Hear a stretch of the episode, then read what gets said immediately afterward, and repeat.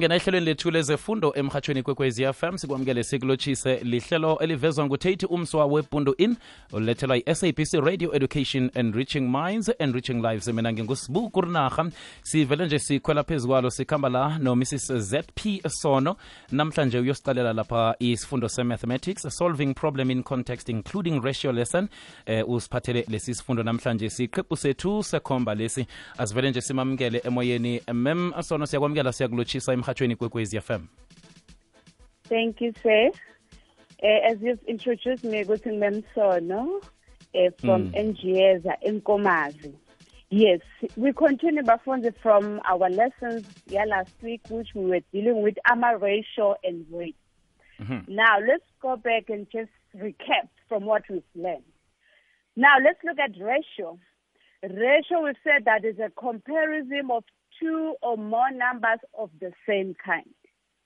So we usually write ratios in a simplified form. We are using whole numbers. So ratio goes in hand with e-proportion, but today we're not going to look at e-proportion. Now, let's compare boys and girls in the room. Let's say we have boys and girls in the room. The boys, there are three in the room, and the girls are six. So now we are comparing the number of girls over boys in the room. All right. Now we are told that there are three boys and six girls. So now we have a ratio, which means number one, we can write it as a fraction as three over six, which means we are comparing, which means we have three, how many? Boys over six girls. There are three boys compared to six girls in the room.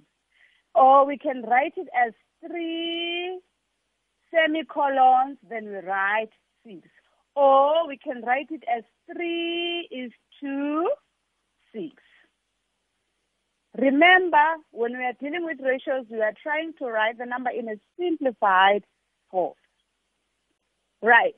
Remember, we are recapping from the last word. We have touched again equivalent ratios. What are equivalent ratios? Equivalent ratios, they are equal, but the number of then the top number and the bottom number of that number it's different. Let's say for a, a fraction, we have seven over fourteen, which, which means it's seven divided by fourteen. That's a fraction. Now you see the top number, which is the numerator, is seven. Then fourteen is the denominator. You see now the numbers are different. The top number is different from the bottom number, but these numbers they are equivalent. So equivalent ratios can be simplified by dividing the dividing both sides by the same number. Which means if we decide to divide by seven, which means we must also divide by seven with, with the bottom number. So if you divide the numerator with seven, you must also divide the denominator with, with seven. We are checking the number that can go into that number without leaving a remainder. So now we have checked. Now seven can go into seven. How many times? Once. Yes. Then seven can go how many times into 14? Two times. Then now the ratio is in a simplified form, which is one over two, or one is 2, two. Let's look at another one. Right. We are dealing with equivalent fractions. Let's say now the ratio is 6 is to 2, 2 is to 10. I will explain now because now it's more than two numbers. We said we are comparing the sizes of two or more numbers. You see now we have three numbers. We are comparing three numbers. What do we call this one? It is a continuous ratio a continuous ratio, it has the ratio of three or more quantities. It has three or more quantities. We call that a continuous ratio. It means iyaqhubeka. So now it's 6 is to 2, 2 is to 10. They said you must simplify this ratio. Okay, now we which number can go into six without leaving a remainder. Can also go into two. It doesn't leave a remainder, and also it goes into ten without leaving a remainder. Which number can go into? Oh, now two can also go into six as well as two and as well as ten. Now let's divide with two. We say then six into how many six goes into six? Three times. Then we are saying six, 2 divided by 2, that would give you 1. Then 10 divided by 2 is 5. Now you see the ratio is in a simplified form. The ratio was 2 is to, was 6 is to 2, 2 is to 10. But now the ratio is in a simplified form. It's, it's 3 is to 1, 1 is to 5. It's another way of writing the number in a simplest, simplest form. Right. Okay, let's look at this one as we close the, conti- the continuous ratio. Let's compare the ratio of 4 is to 8, 8 is to 12. That is a continuous ratio. Now we also need to check which number can we divide with 4 without leaving a remainder. It can go into 8 without leaving a remainder and also 12 without leaving a remainder. Now we check, oh, 4 can go into 4 without leaving a remainder and as well as 8 and 12. All right. Now we divide 4 divided by 4, it gives us 1. Then 8 divided by 4 is 2. Then 12 divided by 4 is 3. Right. Let's look at this example of E, e, e ratio. Andiswa, Benjamin and Chris are partners in a business. The name of the business is ABC Trading Company. Andiswa invested 2500 Benjamin invested 50000 And Chris invested 40000 as a capital when they started the business. So when they started the business, they they, they invested a certain amount, which they were partners in that uh, company. So now the question says, express the capital investment of the three partners as a ratio in a simplest form. We've got Andiswa, right? Is Andiswa is to Benjamin is to Chris. We are writing it in a ratio. Remember? Now Andiswa invested how much? 25,000. You write 25,000 is to. We've got number two, it's Benjamin. How much? 50,000. You write? It's to 50,000. Then Chris is how much? 40,000. You write. Then now the, the, the ratio is 25 is to 50,000 is to 40,000. This, we need to write this uh, ratio in a simplest form. Right. So you check which number can go into 25 without leaving a remainder. You know 1,000 can be divided by 25 as well as 50 as well as 40, as 40,000. But remember, we are trying to write this ratio in a simplest form. So we check which number that we can divide these three numbers so that it will be simple. Now we check 5,000 can go into 25,000 without leaving a remainder. So now we divide with 5,000. This is 25,000 divided by 50,000. Then we divide by 5,000 each ratio. memsona Yes, ngiba ukuthi siyokuthengisa bese nasibuya kurakela phambili Kwamambala izwakele lihlelo i-radio lessons eh khe ngithi-ke lihlelo olethelwa mnyango wezefundo sisekelo sabc radio education enriching minds enriching lives nomhatsho ikwekwezi fm eh kanti-ke babambisene nayo lapha-ke nect asithengise siyokusela amanzi nasibuyako bese siragela phambili. Umnyango wezefundo sisekelo ne-nect ngokubambisana ne-sabc education nekwekwezi fm akulethela amahlelo wezefundo ngemfundo ezahlukeneko qobe ngelesine nayimathumi amathathu ngemva kwesimbi yesithathu bekubumbane isimbi yesine. Ungaphundwa mfundi. Ikwekwezi fm imbombelana maphethelo ku-96.8 kukhanya ba right sirekela phambili ibunane imzuzu ngaphambi kwesimbi yesine singaphakathi kwehlelo lethelwa mnyango wezefundo sekelo nect i-sabc radio education nomhatsholo ikwekwezi fm sikhamba nomiss zp sono eh ovela lapha-ke ehlanzeni nasa isikolo basibiza ngenja yeza high sono ungarakela phambili Thank you, sir. Right. Um, Fonzie, we were busy with uh, Andy of Benjamin and Chris as their partners in the business. So now the question was asking us that we should express the capital investment of the three partners as a ratio, which they invested 25,000, which is for Andiswa, Benjamin is 50,000, and Chris is 40,000. So we have divided, we have found 5,000 as the number that can divide the three numbers without leaving a remainder, and it will be in a simplified form.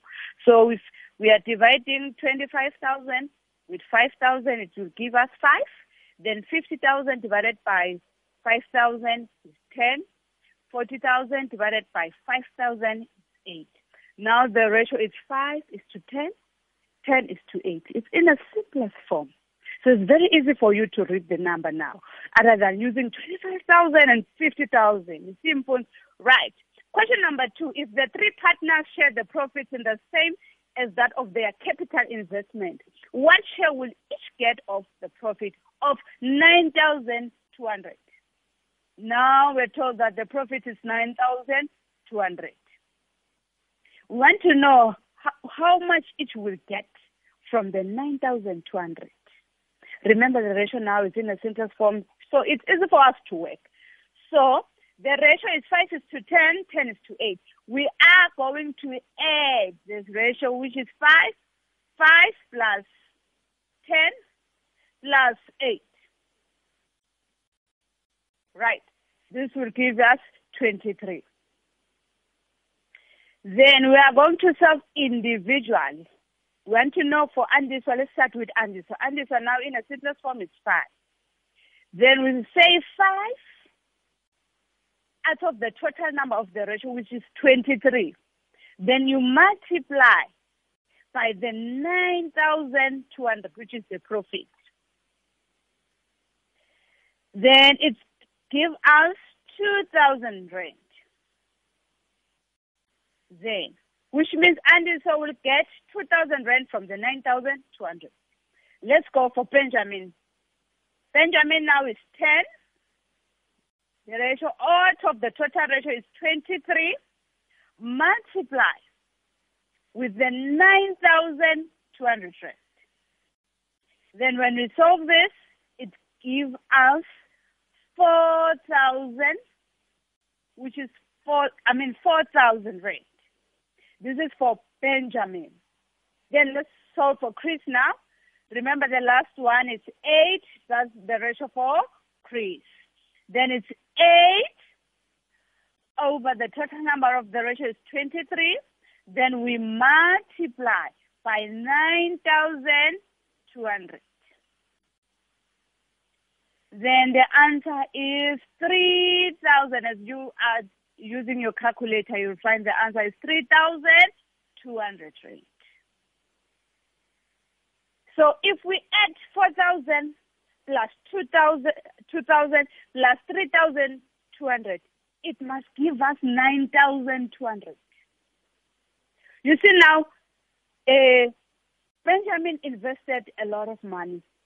So he is the one that received uh, so much from the other ones. You see, Benjamin is going to get 4,000 from the 9,200. And Andy Swa is getting 2,000. Then Chris, it's 3,200. It goes with how much you've invested. Right. Let's just quickly uh, look at this one before we move to rate. Let's say in a bag, uh, there are red and green sweets. The ratio of red sweets to green sweets is 3 is to 4. If the bag contains 120 green sweets, how many sweets are there? I mean, how many red seeds and how many green seeds are there? Right. Uh, we can solve this by letting x to equal to the number of seeds. We let x to be equal to the number of seeds because the question says how many seeds are there. Then we write the items in the ratio as a fraction, which is red with red uh, seeds over green seeds is equal to the the the the the number of seats, which is we have let it to be x, then over the total number of uh, seats in, I mean that contains 120 green seats, which is 120. Remember, we've got red uh, over green seats is equal to the number of seats over green sweets, which are 120. Now we can cross multiply. Okay. Before we cross multiply, let's just write the the number of red sweets and over the number of green sweets. Remember, we have been told that the ratio is three is to four, which means three is the red seeds over four, which is the green seeds. Multiply by, which is equal to x over 120. Now that's why we can multiply. We can cross multiply. Then we multiply, we cross multiply, which means 3 will be multiplied by 120. 3 will be multiplied by 120.